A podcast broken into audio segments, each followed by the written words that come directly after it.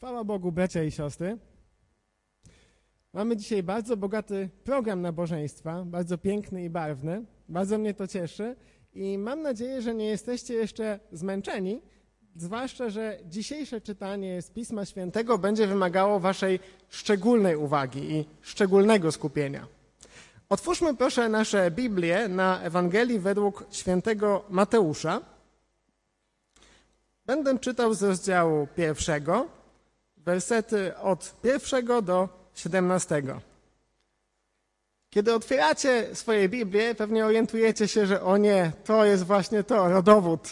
Tak, zgadza się, to jest właśnie ten fragment. E, ale też bardzo cieszę się, że podczas wczorajszego koncertu Kolęd e, były odczytywane przynajmniej fragmenty rodowodów Pana Jezusa, także jesteśmy, myślę, wciąż na czasie i pamiętamy mniej więcej, co tam się działo, jeśli możemy w ogóle mówić o tym, że coś się tam dzieje. Ale przejdźmy do lektury. Ewangelia Mateusza, rozdział pierwszy. Rodowód Jezusa Chrystusa, syna Dawidowego, syna Abrahamowego. Abraham był ojcem Izaaka, a Izaak ojcem Jakuba, a Jakub ojcem Judy oraz braci jego. A Juda zrodził z Tamar Faresa i Zarę, a Fares był ojcem Ezrona, a Ezron ojcem Arama, a Aram był ojcem Aminadaba, a Aminadab ojcem Naasona, a Naason ojcem Salmona. A Salmon zrodził z Rahab Booza, a Booz zrodził z Ruty Jobeda. A Jobed był ojcem Jessego. A Jesse był ojcem Dawida, króla. A Dawid zrodził z żony Uriasza Salomona. A Salomon był ojcem Roboama, a Roboam ojcem Abiasza, a Abiasz ojcem Azafa. A Azaf był ojcem Jozafata, a Jozafat ojcem Jorama, a Joram ojcem Ozjasza. A Ozjasz był ojcem Joatama, a Joatam ojcem Achaza, a Achaz ojcem Ezechiasza. A Ezechiasz był ojcem Manassesa, a Manasses ojcem Amona, a Amon ojcem Jozjasza. A Jozjasz był ojcem Jechoniasza i braci jego w czasie uprowadzenia do Babilonu. A po uprowadzeniu do Babilonu Jechoniasz był ojcem Salatiela, a Salatiel, Salatiel ojcem Zorobabela. A Zorobabel był ojcem Abijuda, a Abijud ojcem Eliakima, a Eliakim ojcem Azora. A Azor był ojcem Sadoka, a Sadok ojcem Achima, a Achim ojcem Eliuda. A Eliud był ojcem Eleazara, a Eleazar ojcem Matana, a Matan ojcem Jakuba. A Jakub był ojcem Józefa, męża Marii, z której narodził się Jezus, zwany Chrystusem. Tak więc wszystkich pokoleń od Abrahama do Dawida jest czternaście. Od Dawida do uprowadzenia do Babilonu pokoleń czternaście. Od uprowadzenia do Babilonu do Chrystusa pokoleń czternaście. Ręka do góry, kto poczuł się znużony podczas lektury tego tekstu? Jest to bardzo normalne, proszę się nie bać, nie będzie nikt za to oceniany. Ja też podnoszę rękę w górę. No cóż, trzeba przyznać, że jeśli bylibyśmy realistyczni, to tego typu teksty nie należą najczęściej do naszych ulubionych, kiedy staramy się codziennie czytać Słowo Boże. I najczęściej, kiedy napotykamy na jakąś genealogię, czy rodowody, spisy, listy przedmiotów, to no nie czujemy się jakoś najszczególniej zaciekawieni. Bądźmy, bądźmy ludzcy w tym i przyznajmy, że czasami po prostu tak jest. I sam niejednokrotnie trafiałem też na tego typu fragmenty, czy to w Księdze Liczb, czy to w Księdze Ezdrasza, zwłaszcza późnym wieczorem, zwłaszcza późnym wieczorem, I więc myślę, że wiem o czym mówię, kiedy mówię o tym, że czasami zmagamy się z tego typu fragmentami. Niełatwo jest nam się skupić, kiedy słyszymy szereg jakichś obco brzmiących imion, pochodzących z obcej tak naprawdę nam kultury, należących zresztą do osób, których osobiście nie znaliśmy. Z tego dość praktycznego powodu e, pozwolę sobie już nie czytać rodowodu z Ewangelii Łukasza, dlatego e, jeśli będziecie chcieli do niego sobie zajrzeć, to w czasie kazania jak najbardziej można, będzie też na to czas. Natomiast wierzymy, jak sądzę wszyscy, za apostołem Pawłem, że całe Słowo Boże jest tchnięte przez Boga i pożyteczne do nauki, jak napisał w drugim liście do Tymoteusza. Co więcej, myślę, że jesteśmy przekonani, że jeśli Pan Bóg umieszcza w Biblii pewne mm, treści, to nie umieszcza ich tam zupełnie bezcelowo, od tak dla ciekawostki, ale że pełnią one pewne ważne funkcje. Co więcej, zadaniem kaznodziei, a zwłaszcza dobrego kaznodziei, jest zwiastowanie całej woli Bożej, a nie tylko korzystanie z jakichś ulubionych fragmentów, które brzmią najbarwniej i najbardziej poruszają naszą wyobraźnię. Dlaczego zatem Mateusz i Łukasz przekazują nam rodowody Pana Jezusa? Myślę, że można tu wskazać na co najmniej trzy powody, dla których ci natchnieni autorzy decydują się na ten krok, uważając za um, uwzględnienie rodowodów w swoich narracjach za coś bardzo istotnego. I myślę, że pierwszym takim powodem jest to, iż ewangeliści chcą pokazać, że Pan Jezus Chrystus jest kimś prawdziwym, jest człowiekiem z krwi i kości, który naprawdę stąpał po tej ziemi, tak jak też my po niej stąpamy. Rodowody poświadczają nam więc, że Jezus nie jest jakąś postacią fikcyjną, postacią baśniową, ale żywą osobą, postacią historyczną, a nasza wiara, wiara chrześcijańska, jak wierzymy, jest głęboko zakorzeniona w historii. Po drugie, myślę, że pisarze pragną dowieść, że Jezus jest rzeczywiście wyczekiwanym Mesjaszem, do czego uprawnia go ten fakt, iż jest potomkiem nie tylko Adama, nie tylko Abrahama, ale i potomkiem Dawida. Zgodnie z zapowiedziami proroków, Chrystus, Mesjasz, nowy król Izraela, miał być przecież właśnie synem króla Dawida. I w końcu, po trzecie, myślę, że autorzy chcą wykazać, że w ciągu wielu tysięcy lat i pośród wielu różnych zmieniających się okoliczności, Pan Bóg pozostaje doskonale wierny wszystkim swoim obietnicom. W nowonarodzonym Jezusie widzimy więc ostateczny sens całej historii zbawienia, od początku do końca. Co więcej, jeśli porównamy ze sobą te rodowody Mateusza i rodowód Łukasza, to możemy dojść do bardzo ciekawych wniosków. Mateusz pisał swoją Ewangelię przede wszystkim do Żydów. Dlatego też jego genealogia rozpoczyna się od Abrahama, wspólnego ojca wszystkich Żydów. Z kolei Łukasz pisał swoją Ewangelię głównie do pogan, Dlatego jego genealogia kończy się na Adamie, a więc na praojcu wszystkich ludzi, którzy kiedykolwiek żyli.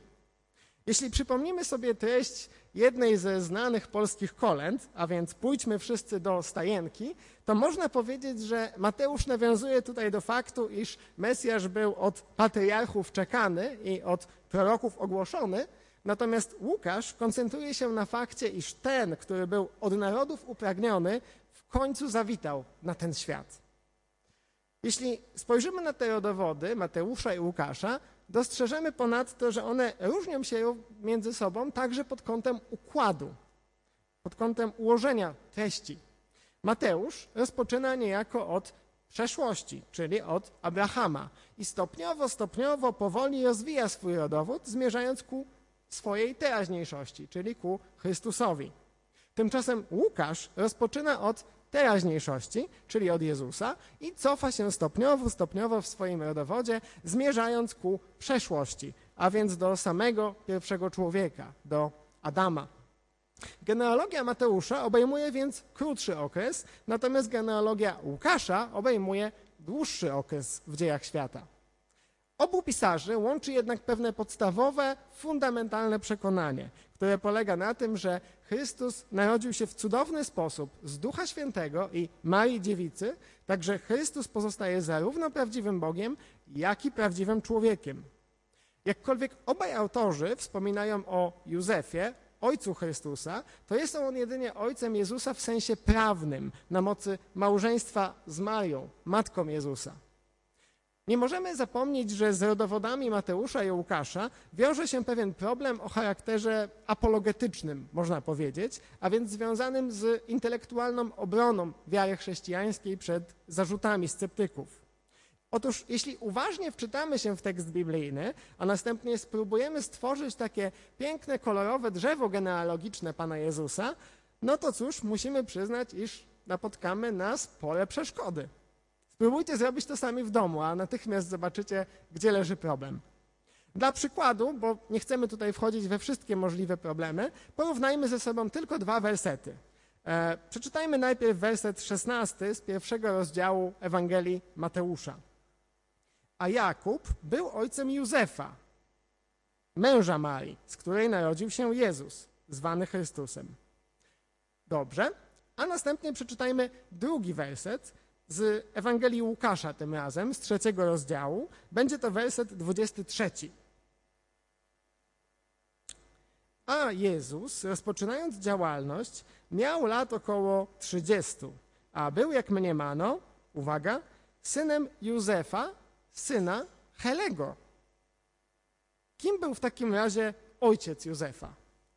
W Ewangelii Mateusza czytamy, że ojcem Józefa był Jakub. Tymczasem według Łukasza ojcem Józefa był Heli. No cóż, nie wydaje mi się, aby w czasach Jezusa można było na to znaleźć takie wytłumaczenie, które być może w niektórych kręgach byłoby e, popularne współcześnie, czyli że Józef miał dwóch tatusiów. wydaje mi się, że przynajmniej w czasach Jezusa nie jest to jeszcze ta opcja. Natomiast jeśli nie, to czy w takim razie nasze Ewangelie są beznadziejnie sprzeczne? Trudno powiedzieć, że nie wiem, e, ojciec Józefa miał dwa imiona, Jakub i Heli. No, no może, może by to jakoś zadziałało, ale wydaje się to być naciągane. W takim razie, czy mamy problem i mamy Ewangelie, które są zupełnie ze sobą niezgodne? Przynajmniej taki zarzut pada ze strony różnych niewierzących czy sceptyków, którzy poddają wątpliwość nadprzyrodzone pochodzenie Nowego Testamentu, uważając go za dokument pełen błędów, niezgodności, przeinaczeń i tym podobnych. W jaki sposób możemy w takim razie wytłumaczyć tę niezgodność oraz inne niezgodności, które pojawiają się, gdy czytamy i porównujemy ze sobą te genealogie? Zanim przejdziemy do przedstawienia konkretnego rozwiązania, myślę, że warto poczynić pewne fundamentalne spostrzeżenie. Te różnice w listach imion przekazywanych nam przez Mateusza i Łukasza są nie, ty, nie tyle mm, nieliczne czy powierzchowne, ale są raczej bardzo liczne i poważne. W związku z tym wydaje się być znacznie bardziej prawdopodobnym, że nie są one przypadkowe, ale że tkwi za nimi jakaś racjonalna przyczyna, prawda? Być może nasi autorzy nie tyle się pomylili, co raczej różnili się pod względem zamysłu, który stał za ich rodowodami. Z uwagi na wielkość i skalę tych różnic, musielibyśmy uznać ewangelistów za niespełna rozumu, gdyby mieli się po prostu pomylić, tak? bo różnice są zbyt duże. Wydaje się więc, że źródła rozbieżności należy szukać raczej nie w ich omylności, ale w odmiennym zamyśle, który nimi kierował. Jakkolwiek sprawa nie jest tutaj oczywiście prosta, to istnieje co najmniej kilka możliwych rozwiązań naszego problemu e, i należy przyznać, że one nie są tutaj wykluczające się, ale czasami mogą one się nawet dopełniać. Jedna z propozycji mówi o tym, że genealogia Mateusza jest rodowodem Chrystusa od strony jego przybranego ojca, czyli Józefa. Natomiast genealogia Łukasza jest rodowodem Jezusa od strony jego matki, czyli Marii. Dużo byłoby przesłanek, które poświadczałyby taki scenariusz, dlatego że w Łukaszowej Ewangelii widzimy duży nacisk na rolę kobiet w ziemskiej służbie Jezusa. Co więcej, niektórzy bibliści sądzą, że Łukasz czerpał informacje, które wykorzystał w swojej Ewangelii z ustnego przekazu, czy z ustnej tradycji, którą zaczerpnął właśnie od matki Jezusa, czyli od Marii.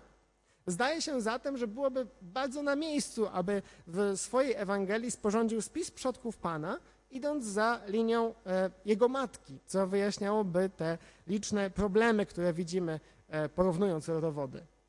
Ale inną ważną wskazówkę stanowi świadomość, że Żydom tak naprawdę nie zależało na tworzeniu takich wyczerpujących, doskonale precyzyjnych list przodków, ale na silnym zaakcentowaniu idei ciągłości i pokoleniowego dziedzictwa narodu. Imiona układano więc w taki sposób, aby dało się po prostu je łatwo zapamiętać. To znaczy, aby mm, po prostu dało się je potem powtórzyć komuś, kto o to zapyta. Ale też tak mówiąc po prostu prostym językiem, po prostu mamy dziury w naszych rodowodach i jest to ok, jeśli weźmiemy pod uwagę kontekst kulturowy. To znaczy pewne pokolenia zostały po prostu opuszczone. I dla przykładu, w pierwszym rozdziale ewangelista Łukasz pisze o Chrystusie, że da mu Pan Bóg tron jego ojca Dawida. Natomiast Mateusz niejednokrotnie nazywa Jezusa synem Dawida. Ale jak to? Przecież bezpośrednim synem Dawida nie był wcale Jezus, ale Salomon, tak? Przecież Dawida i Chrystusa dzieli wiele stuleci, w związku z czym jak Chrystus miałby być synem Dawida? I rozwiązanie znajdujemy po prostu w tym, że Żydzi postrzegali te pojęcia ojciec i syn w znacznie szerszy sposób niż my robimy to dzisiaj. To znaczy dana osoba nie musiała być bezpośrednim potomkiem danej osoby. W związku z czym stopniowo zbliżamy się do pełnego wyjaśnienia naszego problemu. Ale istnieje jeszcze trzecia, być może ostatnia możliwość, która była już znana w starożytności, co najmniej począwszy od IV wieka, wieku, dlatego że wspomina o niej historyk kościoła Eusebiusz z Cezarei. Być może zarówno genealogia Mateusza, jak i genealogia Łukasza są rodowodami Jezusa od strony Józefa, ale jedna ma charakter biologiczny, a druga ma charakter prawny. Żydowskie prawo lewiratu, o którym czytamy w Księdze Powtórzonego Prawa, czy jak kto woli w piątej Księdze Mojżeszowej, mówi o tym, że mm, kiedy dana, dany, dany mężczyzna umrze, to jego brat może e, ożenić się z jego żoną, aby spłodzić mu potomstwo, które niejako ląduje na konto tego pogrobowca. E, I tutaj na przykład, dla przykładu Heli i Jakub mogli być braćmi, tak? rodzonymi braćmi. Jest sobie Heli, jest sobie Jakub, są razem braćmi e, i nagle Heli umarł bezdzietnie, w związku z czym jego żonę poślubił Jakub, który spłodził Heliemu syna w postaci Józefa. I w ten sposób Jakub został biologicznym ojcem Józefa, a Heli został jego prawnym ojcem. W ten sposób mamy dwa różne rodowody. Jeden od Helego, a drugi od Jakuba. I w ten sposób sprzeczności między genealogiami zostają zażegnane. No i oczywiście temat jest bardzo skomplikowany, już nie będziemy jakoś bardzo w niego dalej wchodzić, ale do którejkolwiek opcji byśmy się nie przychylali, to widzimy, że zarówno Mateusz, jak i Łukasz sobie nie przeczą, a Nowy Testament trzeba uznać za oczyszczony z zarzutu o nierzetelność.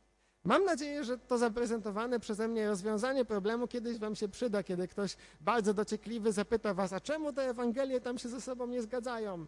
Przecież to nawet ledwo się zaczyna ta historia Jezusa, to już widzimy sprzeczności. Kiedy ktoś wystosuje taki zarzut, mam nadzieję, że to kazanie kiedyś wam się przyda. Ale w tym miejscu chciałbym zakończyć nasze dłubanie w apologetyce i przejść do zastosowania tego, można powiedzieć, bardzo trudnego tekstu w naszym duchowym życiu.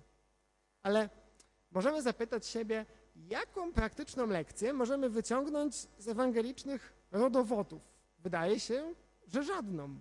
Ale myślę, że jest to tylko pozorne wrażenie, że nasz tekst wydaje się taki tylko suchy, mm, nudny, pozbawiony duchowego znaczenia. Wierzę, że jest inaczej i w związku z tym, aby się o tym przekonać, powróćmy na chwileczkę tylko do genealogii przekazanej nam przez Mateusza. Kiedy będę czytał, ale nie będę czytał całości, spokojnie, to proszę, abyście policzyli kobiety wymienione w tym rodowodzie. A będę czytał Ewangelię Mateusza, rozdział pierwszy, tak, ale od wersetu drugiego do szóstego włącznie. Liczymy. Abraham był ojcem Izaaka, a Izaak ojcem Jakuba, a Jakub ojcem Judy oraz braci jego. A Juda zrodził Stamar, Faresa i Zarę, a Fares był ojcem Ezrona, a Ezron ojcem Arama, a Aram był ojcem Aminadaba, a Aminadab ojcem Naasona, a Naason ojcem Salmona. A Salmon zrodził z Rahab Booza, a Boaz zrodził z Ruty Jobeda. A Jobed był ojcem Jessego. A Jesse był ojcem Dawida, króla. A Dawid zrodził z żony Uriasza Salomona. Ile kobiet naliczyliście? Tak, większość mówi, że cztery i to jest tylko dwie? Jak to tylko dwie, bracie? Nie, są tutaj cztery kobiety. E, można sobie to sprawdzić w razie czego. E, ja naliczyłem Tamar, Rahab, Rut i żonę Ujasza, czyli, czyli Batrzebę, tak? nie wspomnianą tutaj bezpośrednio z imienia. I można powiedzieć, że wszystkie te kobiety, kobiety łączy ze sobą jedna cecha.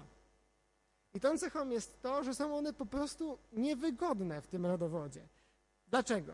Nie pasują one do rodowodu świętego, doskonałego króla królów i pana panów. Możliwe, że decyzja Mateusza, aby umieścić w rodowodzie Jezusa nie tylko kobiety, ale nawet takie kobiety, spotkała się z dużą kontrowersją wśród jego żydowskich odbiorców.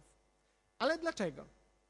Otóż jeśli e, zajrzymy do różnych ksiąg Starego Testamentu, to dowiemy się, że nie tylko Tamar, ale i Rahab to kobiety, które zajmowały się niestety prostytucją. Tamar przebrała się dla przykładu za nierządnicę i posłużyła się podstępem, aby nakłonić patriarchę Judę do współżycia i spłodzenia potomka. Z kolei Rahab, pomimo swojego fachu, można powiedzieć, że jest w nieco lepszej sytuacji. Dlatego możemy ją nazwać nawróconą nierządnicą, która w zaufaniu do Pana pomogła zwiadowcom, opuściła upadłe Jericho i dołączyła do Bożego ludu. Postać Rut jest w tym zestawieniu chyba najbardziej pozytywna, ale nie można zapominać, że nawet ona nie była Żydówką, ale Moabitką. A kim byli Moabici? Moabici byli jednymi z ludów kananejskich, które walczyły z Izraelem i byli de facto jego wrogami. Rut została więc włączona do ludu Bożego poprzez małżeństwo z Boozem, jako ktoś obcy, jako ktoś z zewnątrz. I w końcu ostatnia z czterech kobiet, czyli żona Ujasza, Batrzeba. Jak wiemy, stała się ona powodem do upadku dla króla Dawida, za który on tak bardzo rozpaczliwie pokutował w psalmie 51. Dlatego, że nie tylko uległ pokusie i zgrzeszył w sposób seksualny z Batrzebą, ale też dopuścił się podstępnego zabójstwa jej męża, Ujasza. Dostrzegamy więc, że Pan Bóg zdecydował się w swojej mądrości, aby przodkami jego drogiego, ukochanego, najwspanialszego syna były osoby o dość wątpliwej reputacji i bardzo trudnej przeszłości. Co więcej, to sam Bóg, dlatego że nie stało się to wbrew jego woli albo pomimo jego woli, ale właśnie z jego woli postanowił, aby utrwalić te imiona na kartach natchnionego Pisma Świętego. Dzięki temu imiona Tamar, Rahab, Rut czy Batrzeby przez tysiące lat znane są kolejnym pokoleniom Żydów, ale nie tylko Żydów, kolejnym pokoleniom chrześcijan, a nawet też niewierzących czy po prostu zwyczajnych naukowców, badaczy Biblii. Jak możemy dowiedzieć się mm, nie tylko z właśnie z obu genealogii, Pan znalazł miejsce w historii zbawienia dla bardzo wielu i to bardzo różnych osób, które bardzo różniły się między sobą, czy to statusem, czy majątnością, reputacją i pod wieloma, wieloma innymi względami. Na tej liście znajdują się przecież takie osoby jak patriarchowie, tacy jak Adam, Henoch, Abraham, Izaak, Jakub, ale mamy tam też sławnych królów, takich jak Dawid, Salomon czy Jozjasz. Ale przecież znajduje się tam, można powiedzieć, nawet spora większość osób, które są słabo kojarzone albo w ogóle nierozpoznawalne nawet przez najlepszych i najskuteczniejszych czytelników Biblii. No, nie wiem, czy ktoś pamięta, kim jest Admin, Abiuda albo Eliuda. Musielibyśmy się strasznie nagłowić, aby sobie przypomnieć, kto to w ogóle był. Także ogromna większość z osób umieszczonych w rodowodach Chrystusa nie miała zapewne pojęcia, jak wiele dobra może wypłynąć z ich życia, jak wielką rolę im przyjdzie odegrać w dziejach świata.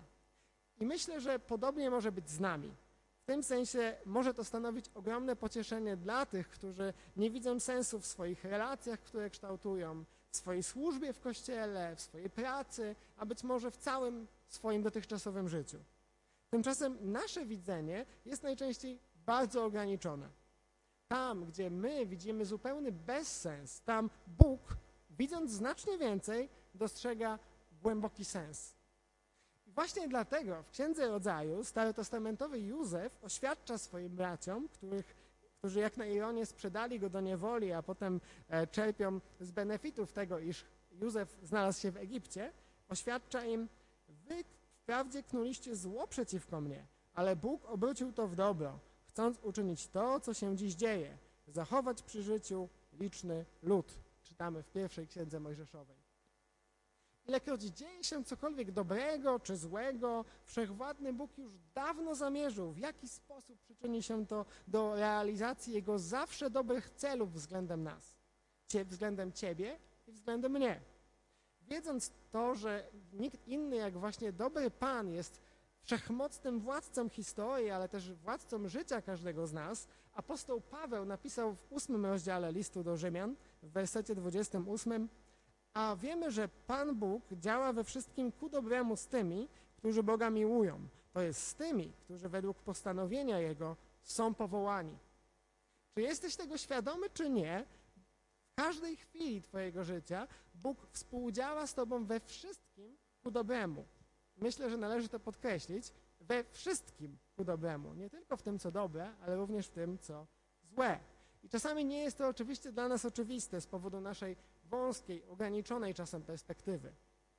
Wyobraźmy sobie, że Bóg pragnie stworzyć piękną, monumentalną, ogromną mozaikę, ale nie chce tego zrobić sam, chociaż oczywiście mógłby to zrobić, jest w stanie. Jest w stanie, mm, metaforycznie mówiąc, pstryknąć palcami i stworzyć tego rodzaju konstrukcję od tak, z niczego. Ale Bóg chce zrobić to inaczej. Chce zaprosić Ciebie i mnie, abyśmy byli elementami tej Jego pięknej, doskonałej kompozycji. Chce zaprosić nas do współuczestnictwa w swoim planie.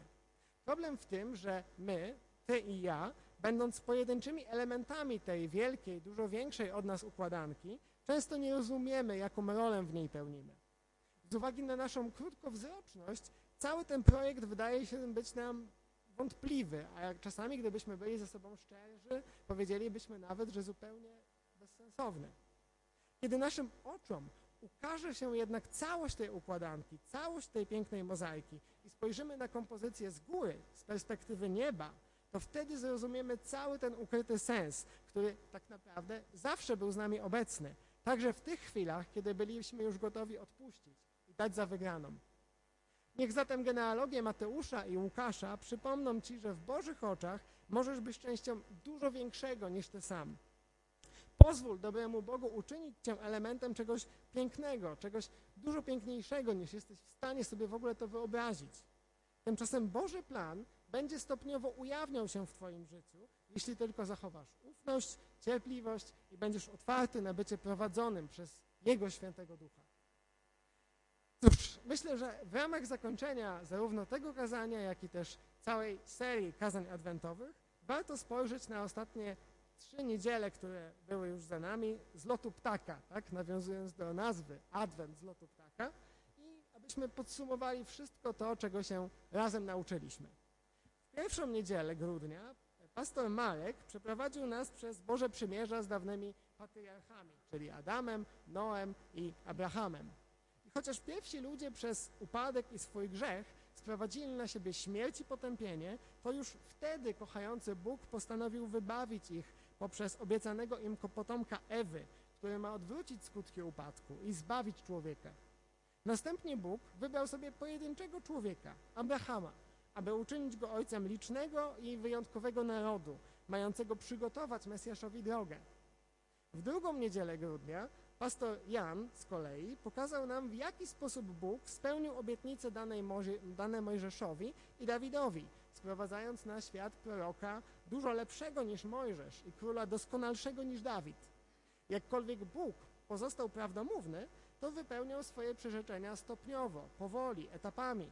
Także bohaterowie Starego Przymierza mogli cieszyć się jedynie pięknymi cieniami nadchodzącego Mesjasza, wciąż oczekując jego realnego przyjścia na ziemię.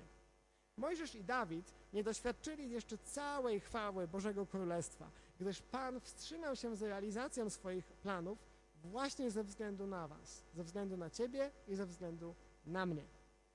Dziś, w trzecią niedzielę grudnia, mogliśmy ujrzeć, jak ewangeliści Mateusz i Łukasz poświadczają, że Bóg pozostał wierny swoim zapowiedziom, co do Joty. I chociaż spisali oni zupełnie różne Ewangelie i umieścili w nich zupełnie różne dwa rodowody, to przedstawiają one naszym oczom jednego i tego samego Pana, Jezusa Chrystusa. Dzięki genealogiom widzimy, że Mesjasz okazał się być czymś więcej niż tylko jakąś żydowską plotką z baśni, ale prawdziwym Bogiem, który przyoblekł się w człowieczeństwo z krwi i kości, aby wkroczyć w ludzką historię, aby wkroczyć w Twoje życie i stać się zbawieniem dla wszystkich, którzy Go potrzebują. Przyszedł, aby stać się moim i Twoim zbawieniem. Pozwólcie więc, że zakończę zarówno to kazanie, jak i całą naszą e, serię kazań adwentowych krótką modlitwą.